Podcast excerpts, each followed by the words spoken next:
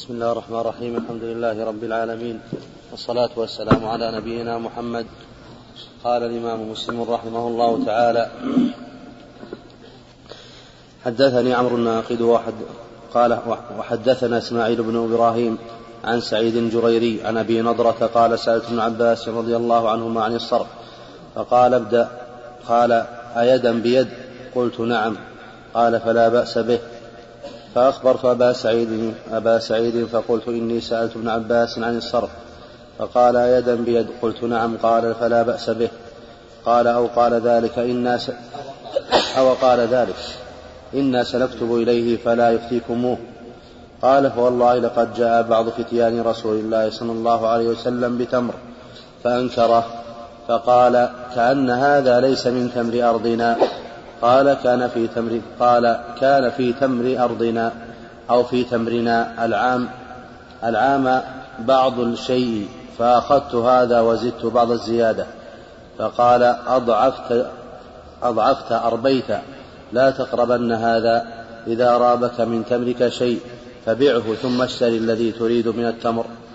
حدثنا إسحاق. بسم الله الرحمن الرحيم. الحمد لله والصلاة والسلام على رسول الله وعلى آله وصحبه أجمعين. أما بعد هذا الحديث صريح في تحريم ربا الفضل. ولهذا قال أضعفت أربيت يعني فعلت الربا. وبين له المخرج لأنه باع تمرا قديم بتمر جديد وزاد من التمر القديم. أخذ تمرا قديم بتمر جديد وزاد من التمر القديم. فقال له أضعفت أربيت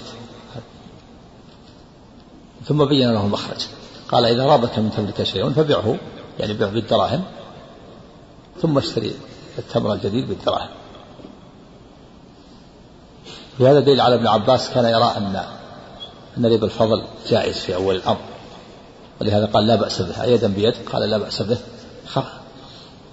اعتمادا على حديث أسامة إنما الربا في النسيئة. ثم بين له الصحابة كبار الصحابة كأبي سعيد وغيره النصوص التي دلت على تحريم الفضل فرجع رضي الله عنه. ولهذا قال أبو سعيد لأبي نضر أو قال ذلك إن سنكتب لكم فلا يفتكموه يعني أو قال ابن عباس لا بأس قال لا بأس به لا بأس بتحريم الفضل. أو قال ذلك إن سنكتب لكم فلا يفتكموه سنكتب له فلا يفتكموه يعني سنكتب لابن عباس ونبين له الأدلة التي جاءت بتحريم الفضل فلا يفتي بذلك. نعم. لكنه رجع يعني سيأتي نعم سيأتي ما يدل على أنه رجع. حدثنا إسحاق إسحاق بن إبراهيم قال أخبرنا عبد الأعلى كذلك ابن عمر ثم رجع وسيأتي في الحديث بعده. نعم. أخبرنا حدثنا إسحاق إسحاق ابن إبراهيم قال أخبرنا عبد الأعلى قال أخبرنا داود عن أبي نضرة قال سألت ابن عمر وابن عباس عن الصرف فلم يريا به بأسا. فإني لقى هذا أن ابن عمر وابن عباس كان لا يراني بأسا بتحريم بالفضل خفي عليهما. خفيت عليهما النصوص التي فيها تحريم بالفضل كحديث ابن سعيد وحديث عبادة. ثم رجع عن ذلك. نعم. فلم يريا به بأسا فإني لقاعد عند أبي سعيد الخدري فسألته عن الصرف فقال ما زاد فوربا فأنكرت ذلك لقولهما فقال لا أحدثك لا أحدثك إلا ما سمعت من رسول الله صلى الله عليه وسلم. جاءه صاحب نخلة صاحب نخله جاءه صاحب نخله بصاع من تمر طيب وكان تمر النبي صلى الله عليه وسلم هذا اللون. جاءه؟ جاءه صاحب نخله. كذا عندكم نعم. جاءه صاحب نخله بصاع من تمر طيب وكان تمر النبي صلى الله عليه وسلم هذا اللون فقال له النبي صلى الله عليه وسلم أنى لك هذا. قال انطلقت بصاعين فاشتريت, فاشتريت به هذا الصاع فإن سعر هذا في السوق كذا وسعر هذا كذا.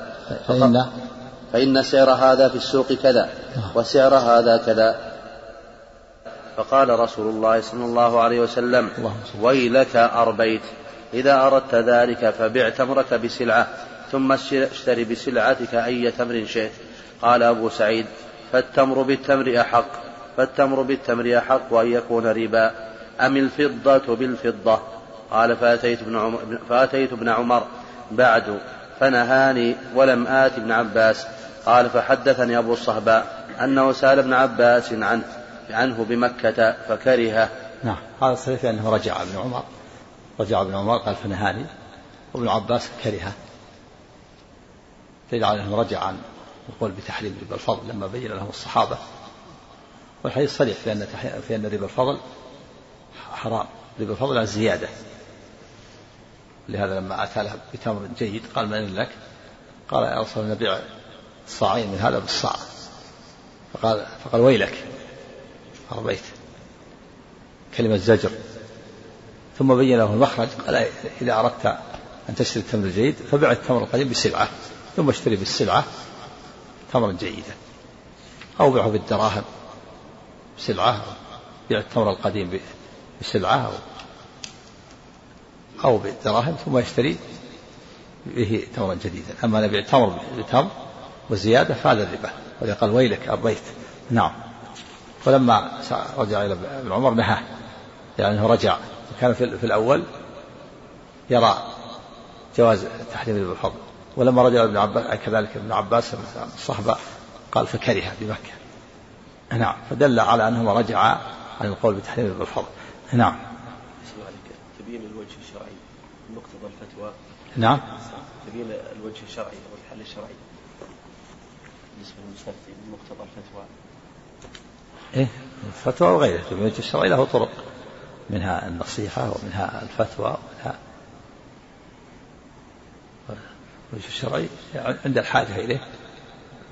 يبين الوجه الشرعي إذا كان الناس يتعاملون بتعامل مخالف الشرع يبين للناس ينصح الناس يعظ الناس. وكذلك في الفتوى إذا سئل يفتي بما دلت عليه النصوص وهكذا. حدثني محمد بن عباد ومحمد بن حاتم وابن أبي عمر جميعا عن سفيان بن عيينة واللفظ لابن عباد قال حدثنا سفيان عن عمرو عن أبي صالح قال سمعت أبا سعيد الخدري. قال سمعت أبا سعيد الخدري رضي الله عنه يقول الدينار بالدينار والدرهم بالدرهم مثلا بمثل من زاد أو استزاد فقد أربى. فقلت له إن ابن عباس يقول غير هذا غير هذا. فقال لقد لقيت ابن عباس. فقلت أرأيت هذا الذي تقول؟ أشيء سمعته من رسول الله صلى الله عليه وسلم أو وجدته في كتاب الله عز وجل فقال لم أسمعه من رسول الله صلى الله عليه وسلم ولم أجد في كتاب الله ولكن حدثني أسامة بن زيد أن النبي صلى الله عليه وسلم قال الربا في النسيئة. حدثنا أبو بكر بن هذا دليل على ابن عباس حينما كان يفتي بالفرض معتمد على هذا الحديث الربا في النسيئة. حديث أسامة. وفي لفظ إنما الربا في النسيئة.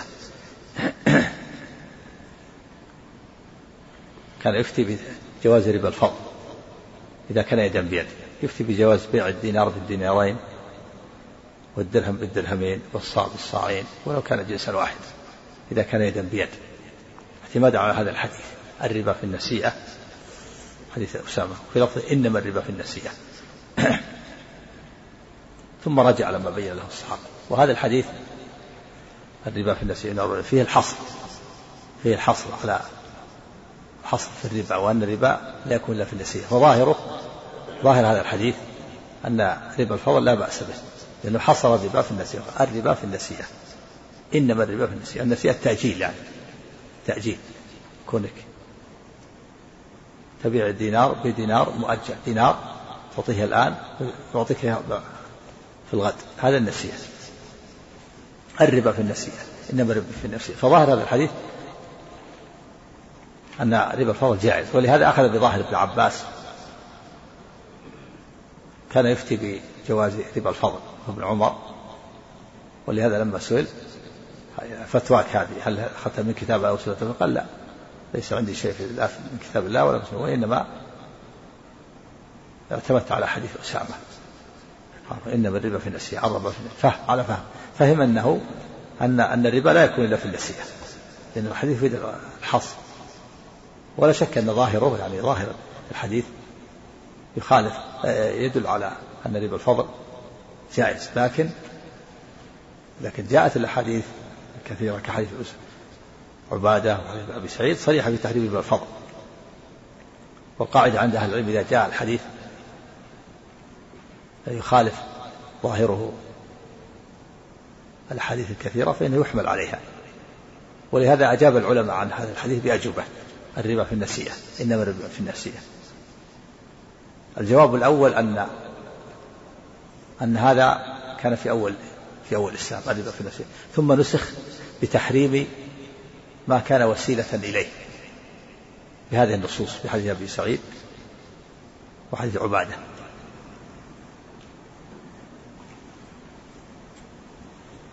لأن ربا الفضل وسيلة وسيلة إلى ربا النسيئة الجواب الثاني أن الحصر في قوله إنما الربا في النسيئة أو الربا في النسيئة محمول على الربا الأعظم الذي هو ربا الجاهلية وربا النسيئة. والربا في النسيئة يعني الربا الأعظم الذي حرم تحريم الغايات. وتحريم ربا الفضل هو تحريم الوسائل. فالربا الأعظم هو ربا الج... الذي هو ربا الجاهلية وربا النسيئة. والربا الذي هو دون ذلك الذي يحرم تحريم الوسائل هو ربا الفضل. فتحريم ربا النسيئة حرم تحريم الغايات وتحريم ربا الفضل حرم تحريم الوسائل. الجواب الثالث أن هذا محمول على بيع الدين بالدين لا على بيع الربويات. الربا في النسيئة يعني في بيع الدين بالدين. الجواب الرابع أن هذا أنه الحديث محمول على اختلاف الأجناس على البيع في الأجناس المختلفة كالتمر و والبر. فيكون في الأجناس المختلفة لا ربا لا ربا في الأجناس المختلفة إنما الربا يكون في الجنس الواحد. الجواب الخامس أن حديث أسامة الربا في النسيئة مجمل وحديث عبادة وأبي سعيد مبين. وإذا جاء مجمل ومبين فإن العمل يكون بالحديث المبين بالنص المبين. نعم. وعلى كل حال فتحريم البفاض هذا لا شك فيه. وأما حديث أسامة فإنه لا, لا يعارض. لا بد أن يحمل على محمل يتفق مع النصوص. والأقرب أن الأقرب من هذه التجربة الأرجح أن المراد أن يقول لا, ربا إلا في النسيئة وإنما الربا في النساء. وهو الربا الأعظم يعني الربا الأعظم. الذي هو ربا الجاهلية وربا النسيئة الربا في النسيئة. الربا الأعظم من وله نظائر مثل الحج وعرفة. يعني عرفة الركن الأعظم. وإلا فالحج لا بد فيه من الأركان الأخرى غير عرفة.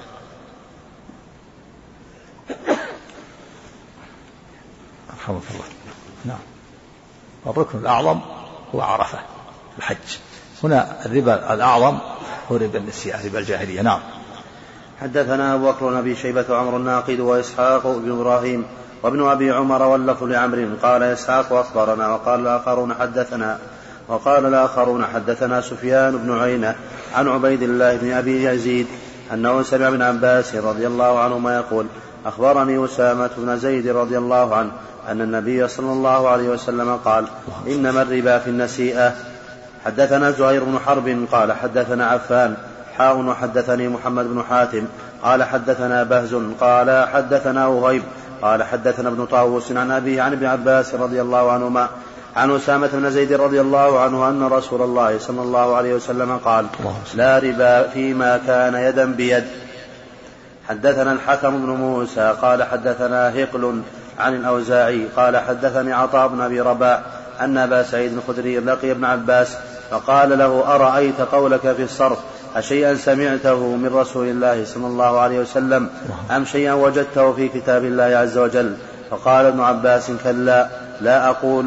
أما رسول الله صلى الله عليه وسلم فأنتم أعلم به وأما كتاب الله فلا أعلم. ولكن حدثني أسامة بن زيد أن رسول الله صلى الله عليه وسلم قال ألا إنما الربا في النسيئة؟ نعم هذا صريح في ابن عباس يعني يعتمد على الحديث. هذا حديث حديث لا ربا إلا يدا بيد الحديث نعم. اللي قبله عن رسول عن أسامة. أن رسول الله صلى الله عليه وسلم قال لا ربا فيما كان يدا بيد. محمول عليه يعني لا, لا ربا شديدا أو إلا فيما فيما كان يدا بيد لا ربا فيما كان يدا بيد. إيش عندك؟ لا ربا. نعم فيما كان يدا بيد. نعم. هذا ما ما يؤيد كمنسوخ نعم أنا. أول أمر. هذا قول يعني لا شك. هذا نعم.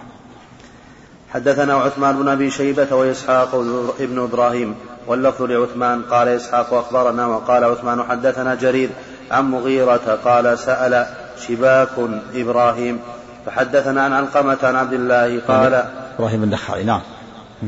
فحدثنا عن علقمة عن عبد الله قال لعن رسول الله صلى الله عليه وسلم آكل الربا ومؤكله.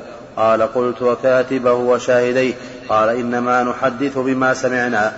حدثنا محمد بن الصباح وزهير بن حرب وعثمان بن أبي شيبة قالوا حدثنا هشيم قال أخبرنا أبو الزبير عن جابر رضي الله عنهما قال لعن رسول الله صلى الله عليه وسلم آكل الربا ومؤكله وكاتبه وشاهديه وقال هم سواء هذا يدل على الوعيد الشديد على آكل الربا لأن اللعن هو الطرد والعباد عن رحمة الله وما توعد فيه باللعن أو العذاب أو النار في الآخرة فهو من الكبائر. هذا يدل على أنه من الكبائر وهو من كبائر الذنوب لا شك. توعد عليه في الكتاب العزيز بحرب من الله ورسوله فإن لم تفعلوا فأذنوا بحرب من الله ورسوله. ولم يتوعد على كبيرة دون الشرك مثل هذا الوعيد. المحارب أذنه الله بحرب منه بحرب بحرب رسوله نعوذ بالله. فيه أن أربعة كلهم ملعونون في الربا. آكل الربا الذي يأخذه ومؤكله الذي يعطيه يدفعه. والكاتب الذي يكتب بينهما والشاهد كلهم ملعون. وقول آكل الربا وموكله يعني حتى ولو لم يأكل هو ملعون. لو أخذه اشترى بالسيارة ملعون. ولو لم يأكل. لكن عبر بالأكل لأن الأكل هو أعظم وجوه الانتفاع. وإلا لو أخذ الربا ثم اشترى به ملابس أو اشترى به سيارة المهم يتملكه وهو ملعون. نسأل الله السلامة والعافية.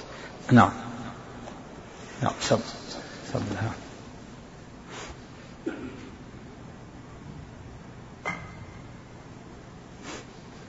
بسم الله الرحمن الرحيم أحسن الله إليك وحدثنا محمد بن عبد الله بن نمير الهمداني الهمداني.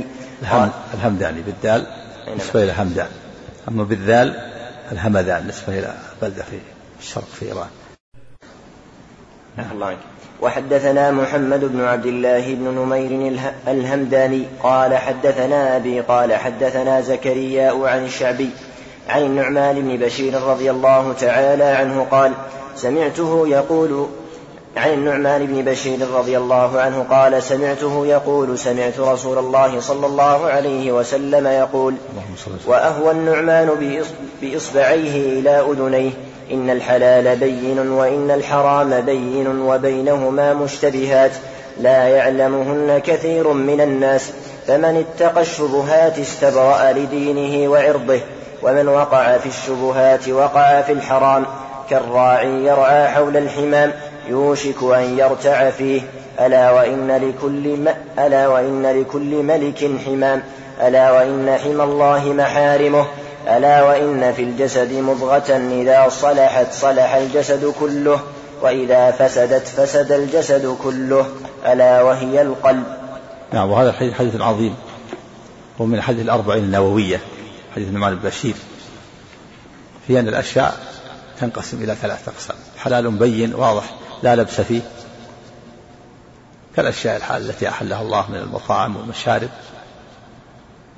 وحرام بين واضح كالمحرمات التي حرمها تحريمها واضح كالميتة والخنزير والأصنام والخمور والحلال ما أحله الله من من أنواع الأطعمة والأشربة وغيرها. وهناك قسم ثالث وهي مشتبهات مشتبه. هذه على الإنسان أن يتوقف على المسلم أن يتوقف فيها. قد تكون مشتبهة على بعض الناس دون بعض فمن اشتبه عليه فعليه أن يتوقف حتى يتبين له. لأنه إذا تناول المتشابهات تجرى على المحرمات. شيئا بعد شيء.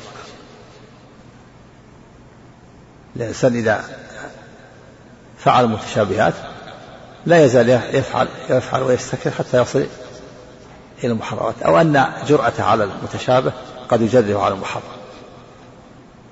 ومثل النبي بذلك.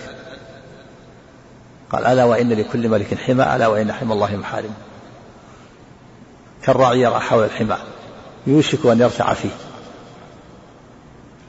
فإذا حمى الأمير مثل الحمى قال هذا حمى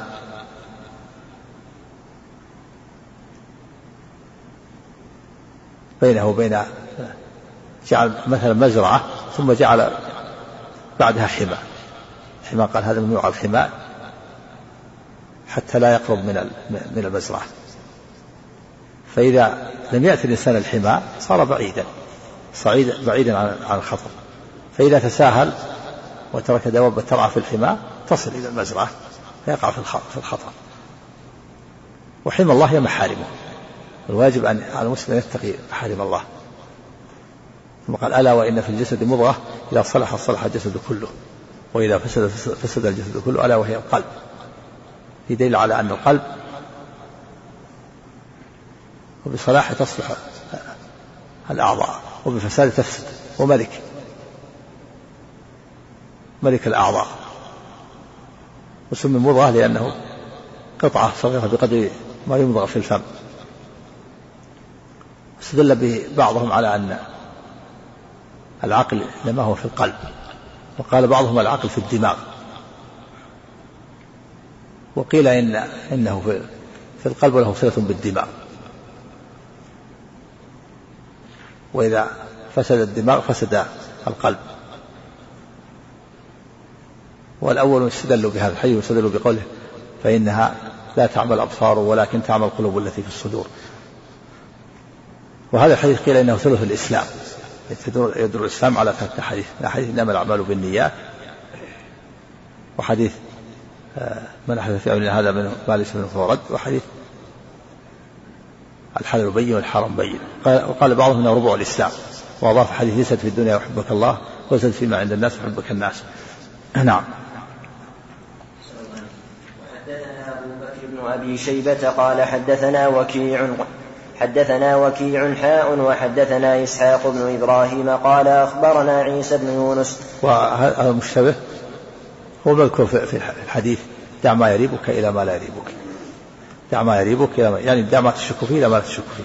الشيء الذي يشك فيه الإنسان هذا مشتبه. ينبغي أن يتوقف حتى لا يقع في المحرم. نعم.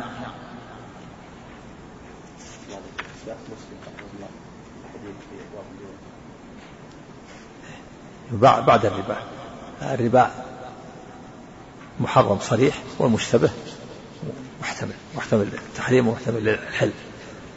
بعدما انتهى من الحرام الواضح ذكر الحديث في المشتبه الذي يلي المحرم. ترتيب جيد. نعم. أحسن الله عليك. وحدثنا أبو بكر بن أبي شيبة قال حدثنا وكيع حاء وحدثنا إسحاق بن إبراهيم قال أخبرنا عيسى بن يونس قال حدثنا زكرياء بهذا الإسناد مثله وحدثنا إسحاق بن إبراهيم قال أخبرنا جرير عن مطرف وأبي فروة الهمداني حاء وحدثنا قتيبة بن سعيد قال حدثنا يعقوب يعني ابن عبد الرحمن القاري عن ابن عجلان عن عبد الرحمن بن سعيد كلهم عن الشعبي عن النعمان بن بشير رضي الله عنه عن النبي صلى الله عليه وآله وسلم بهذا الحديث. غير أن حديث زكريا أتم من حديثهم وأكثر. حدثنا عبد الملك بن شعيب بن الليث بن سعد قال حدثني أبي عن جدي قال حدثني خالد بن يزيد قال حدثني سعيد بن أبي هلال عن عون بن عبد الله عن عامر الشعبي أنه سمع نعمان بن بشير بن سعد صاحب رسول الله صلى الله عليه وآله وسلم وهو يخطب الناس بحمص وهو يقول سمعت رسول الله صلى الله عليه وآله وسلم يقول الحلال بين والحرام بين فذكر بمثل حديث زكريا عن الشعبي إلى قوله يوشك أن يقع فيه. حدثنا محمد بن عبد الله بن نمير يوشك يعني يقرب. نعم.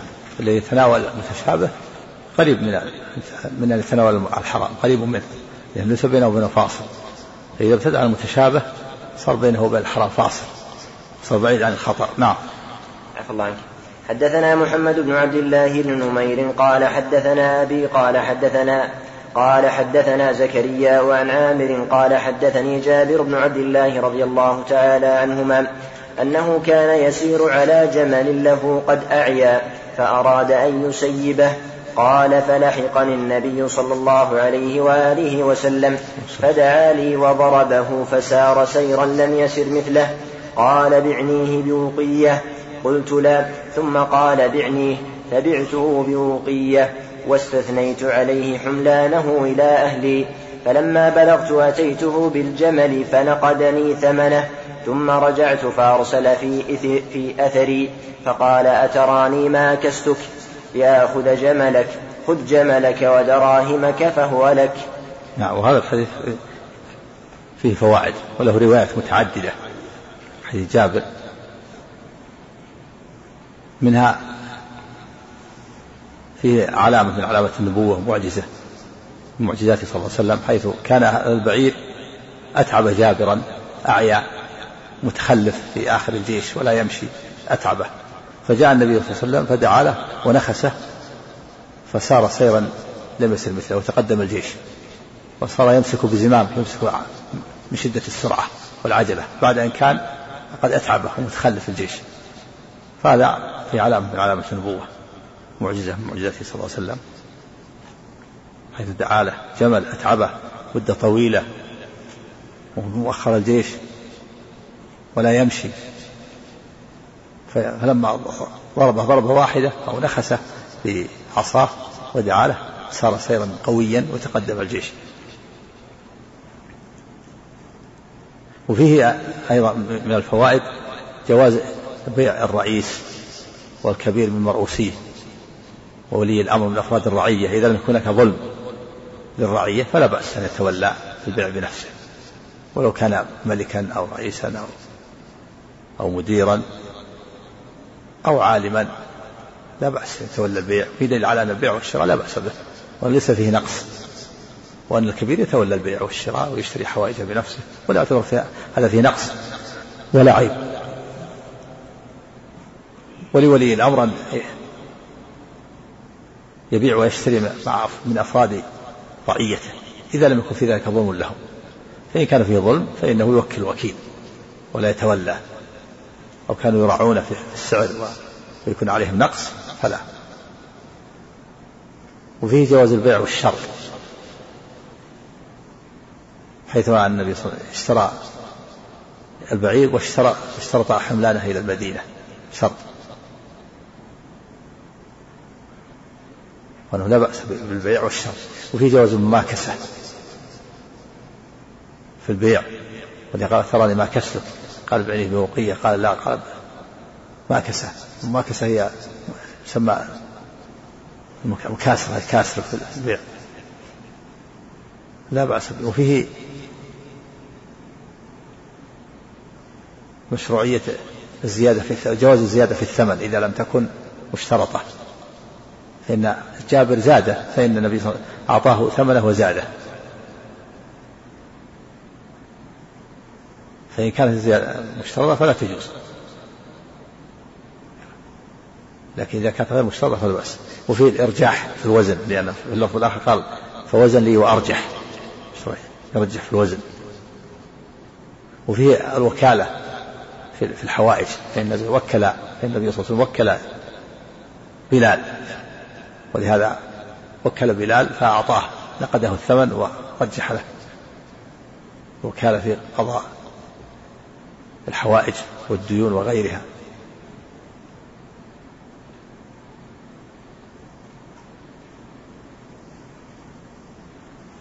وفيه أيضا مشروع الصلاة ركعتين القادم من السفر لأنه في بعض روايات الحديث قال جاءني فقال صلي في المسجد ركعتين. ثم أعطاه النبي صلى الله عليه وسلم الجمل والبعير.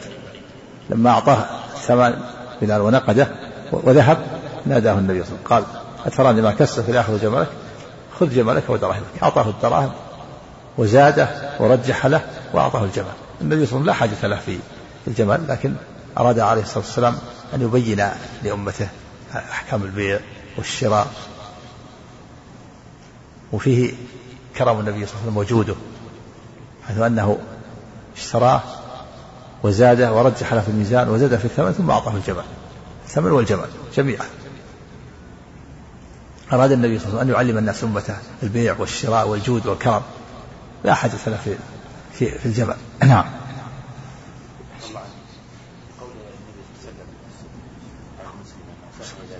ها؟ نعم يدل على ان المواكسه جائزه في إي نعم المواكسه المواكسه يعني جاء في بعض النبي قال من يزيد؟ من يزيد مثلا؟ أو قال بعنيه بكذا آه، أو اعطنيه بكذا لا بأس. المواكسه ما في ما فيها شيء. نعم. أحسن الله عليك.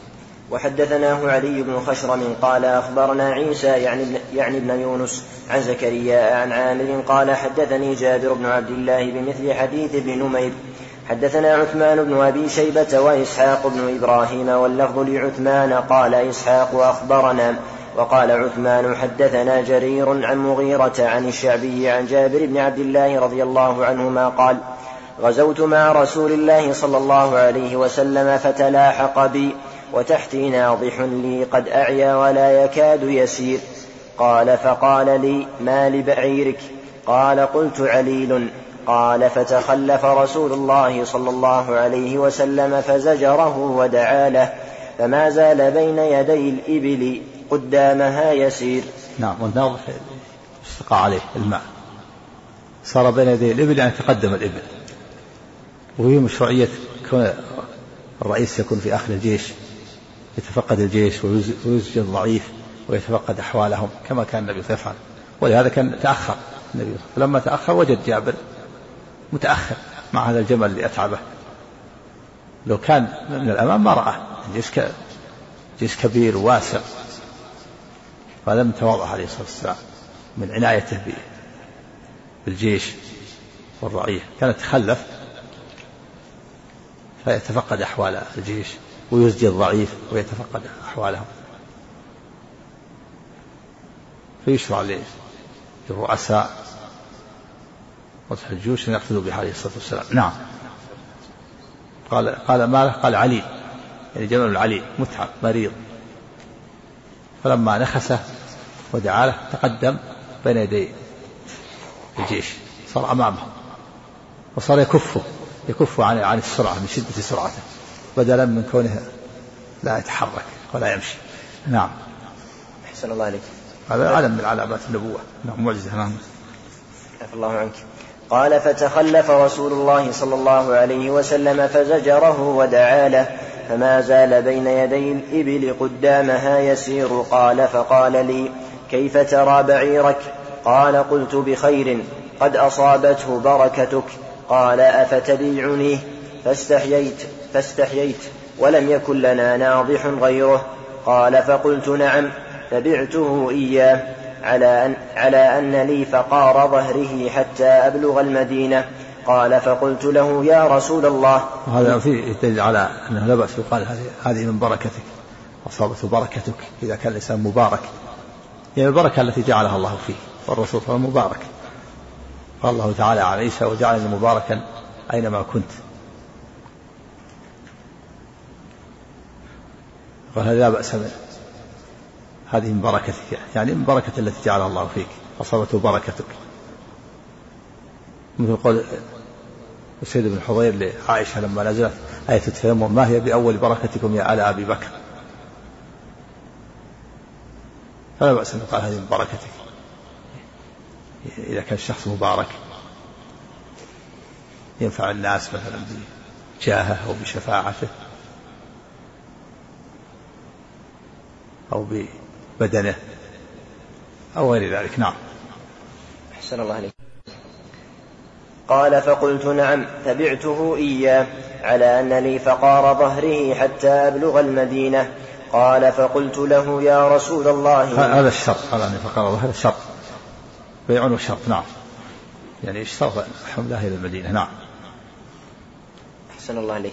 فقلت له يا رسول الله إني عروس فاستأذنته فأذن لي فتقدمت الناس إلى المدينة حتى انتهيت فلقيني خالي فسألني عن البعير فأخبرته بما صنعت فيه فلامني فيه.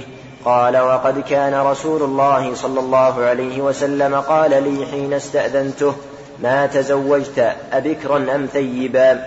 فقلت له تزوجت ثيبا. قال فلا تزوجت بكرا تلاعبك وتلاعبها فقلت له يا رسول الله توفي والدي أو استشهد ولي أخوات صغار فكرهت أن أتزوج إليهن مثلهن فلا تؤدبهن ولا تقوم عليهن فتزوجت ثيبا لتقوم عليهن وتؤدب وتؤدبهن قال فلما قدم رسول الله صلى الله عليه وسلم المدينة وهذا فيه فيه أن. أن المتزوج أو العروس لا بأس أن يتقدم يستأذن ويتقدم الجيش. ولهذا استأذن جابر أن يتقدم فتقدم قبل الجيش. وصل إلى المدينة لأنه عروس. ويقال للرجل عروس وللمرأة عروس أيضا. وهو المتزوج الجديد. وفيه فضيلة التزوج بالبكر وأن أفضل من التزوج بالثيب. ولهذا قال له فلا تزوج بكرا تلاعبها وتلاعبك وفي تضحك وتضحك. إلا إذا كان هناك مصلحة تقتضي التزوج بالثيب كما فعل جابر. وفيه فضيلة جابر رضي الله عنه حيث قدم حظ أخواته على حظ نفسه. قد تزوج ثيبا تقوم على أخواته وتصلحهن وتمشطهن. قال كرهت أن أتزوج بكرا مثلهن. صغيرة تكون مثلهن تلعب معهن لكن تزوجت امرأة كبيرة عرفت وخبرت ومرت عليها الأيام. تقوم عليهن وتصلحهن وتؤدبهن وتمشطهن فقال فصوب النبي رأيه في هذا. نعم. أحسن الله إليك. فلما قد فلما قدم رسول الله صلى الله عليه وآله وسلم المدينة غدوت إليه بالبعير فأعطاني ثمنه ورده علي. حدثنا عثمان بن أبي شيبة قال حدثنا نعم. نعم. قال توفي والدي أو استشهد نعم. يعني قتل شهيدا يوم احد عبد الله بن حرام والده. يعني الراوي شك هل قال توفي أو استشهد. لو شهيد توفي شهيد لكن هذا باب العناية في اللفظ. يعني شكر هل قال توفي أو قال استشهد؟ والمعنى واحد. استشهد يعني قتل شهيد. توفي يعني توفي شهيدا. معلوم عبد الله بن حرام قتل يوم أحد. رضي الله عنه شهيدا. نعم. نعم. نعم. من قتل في الجهاد وقال له شهيد. يعني شهيد في أحكام الدنيا. أما أحكام الآخرة فأمره إلى الله. ولهذا باب البخاري قال باب لا يقال فلان شهيد. يعني لا يقال في الآخرة ويقال شهيد في أحكام الدنيا. نعم. نعم. إيه. إيه. حماية الله ورسوله هذا شرعا. وألا وأن لكل ملك حماية عدة الملوك. يعني الملوك ما يتقيدون بالشر.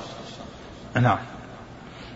أحسن الله عليك حدثنا عثمان بن أبي شيبة قال حدثنا جرير عن الأعمش عن سالم بن أبي الجعد عن جابر رضي الله عنه, قال أقبلنا من مكة إلى المدينة مع رسول الله صلى الله عليه وآله وسلم فاعتل جملي وساق الحديث بقصته وفيه ثم قال لي بعني جملك هذا.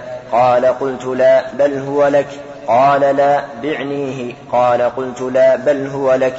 بل هو لك يا رسول الله. قال لا بل بعنيه هذا المعاكسة معاكسة نعم. نعم. أحسن الله عليك.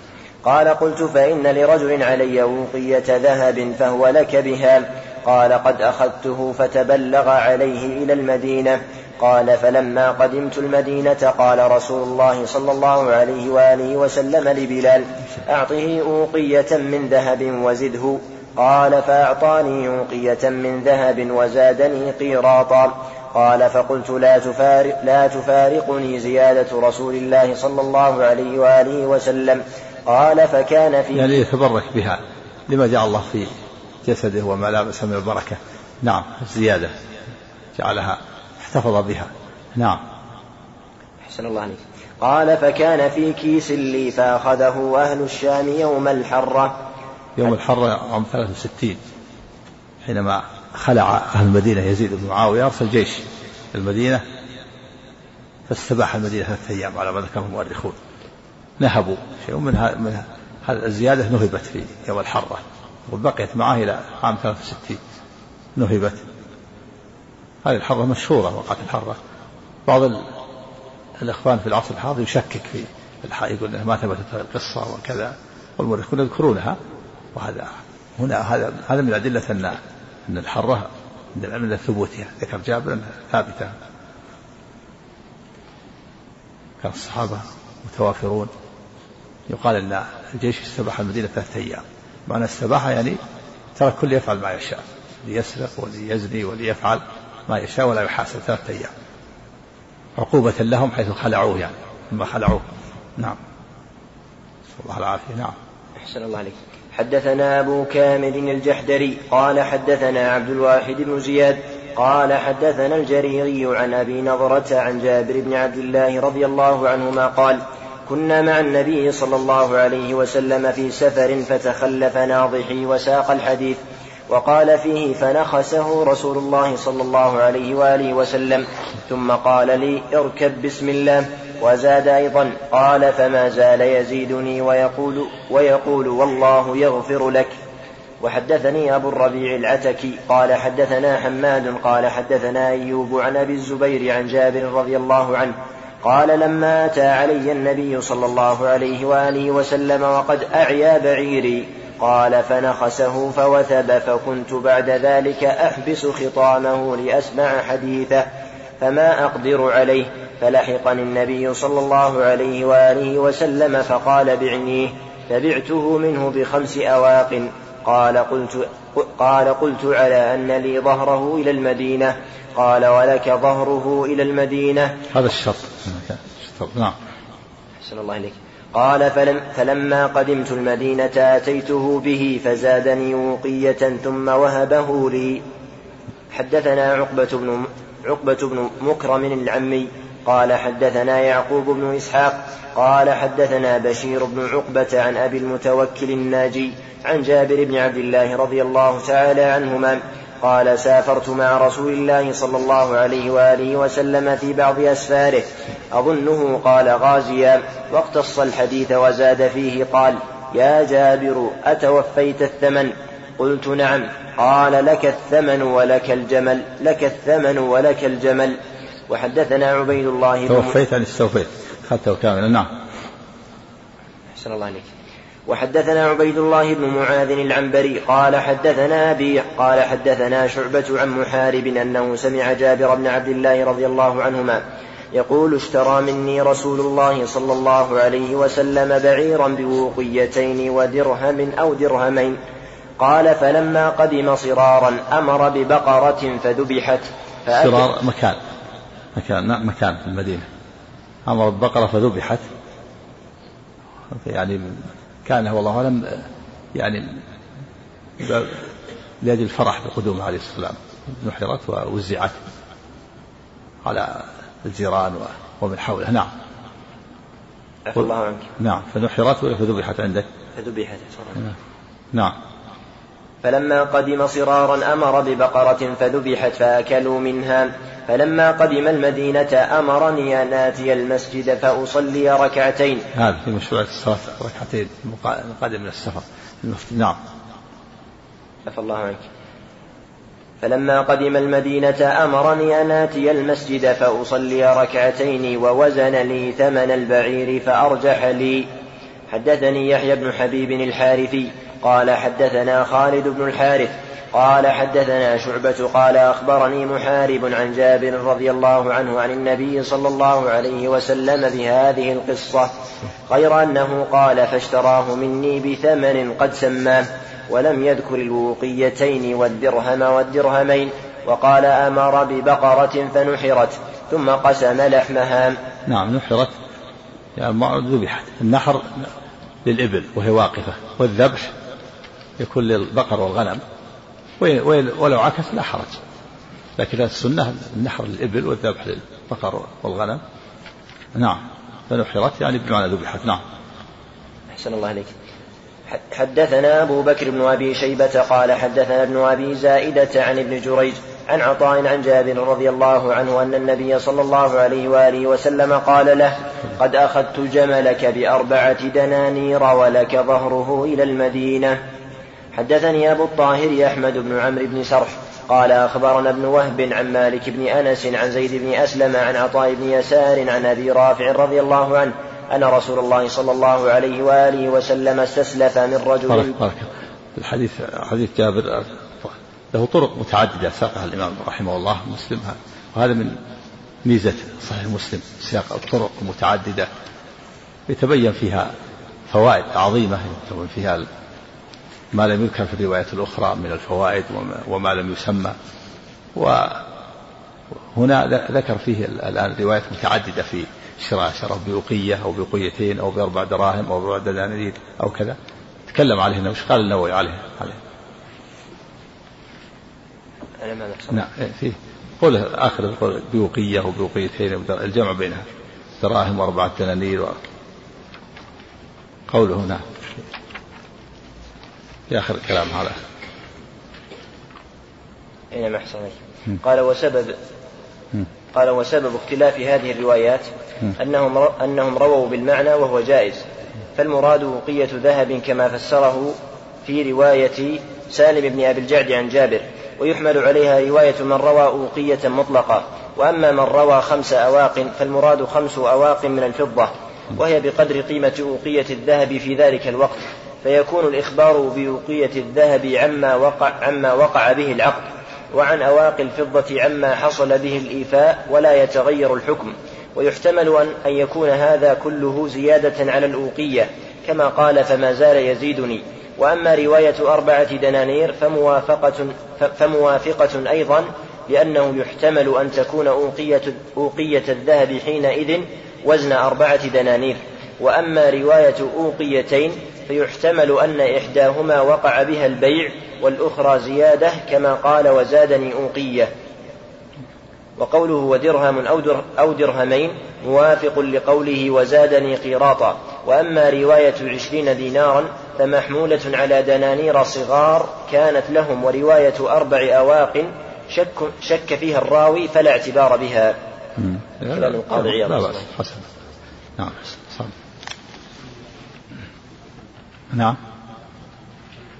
إيش؟ إيش؟ إيه. والله في كلام العلماء له كلام في هذا. الفلاسفة يرجحون الدماغ والأطباء يرجحون القلب أو بالعكس. الأقرب أنه له صلة وأنه متصل وأنه لما قال بعضهم أنه متصلان إذا مات هذا مات هذا. نعم. نعم. ها؟ بيع معدوم؟ وش فيه؟ وش معدوم من أي شيء؟ ها؟ تمر؟ إيه. إيه نعم الحكم واحد. لا بد يكون لا بد من الوزن. نعم. ها؟ المنفعة؟ لا مو منفعة هذا شرط شرط شرط حمله إلى المدينة شرط حمله إلى المدينة. يشترط شرط لا بأس بيع شرط. يشترط مثلا أحمل عليه الآن. اشترط مثلا أنه يبقى عندي يومين مثلا أو يشترط أني أحمل آه، أحمل عليه من الآن إلى البلد إذا كان خارج البلد مثل ما ما اشترط جابر لا بأس. نعم. ها؟ ضابط. الشرط الواحد هذا واللي ما في خلاف. أما شرطين في خلاف. النبي نهى عن بيع عن بيع وشرط بيع وشرطين. الحنابلة لهم كلام وغيرهم أنه إذا كان الشرط واحد فلا بأس. وإذا كان شرطين فإنه ممنوع. لما جاء من النهي عن ذلك. أما الشرط جاء في هذا الحديث. لا بأس به. الشرطين فيها الخلاف. ومن العلماء من أجازه وتأول الحديث النهي عن بيع شرطين نعم. نعم. الإلكترونية بطاقة الصراف الآلي من محلات الذهب. والله هذه محل محل تأمل ونظر.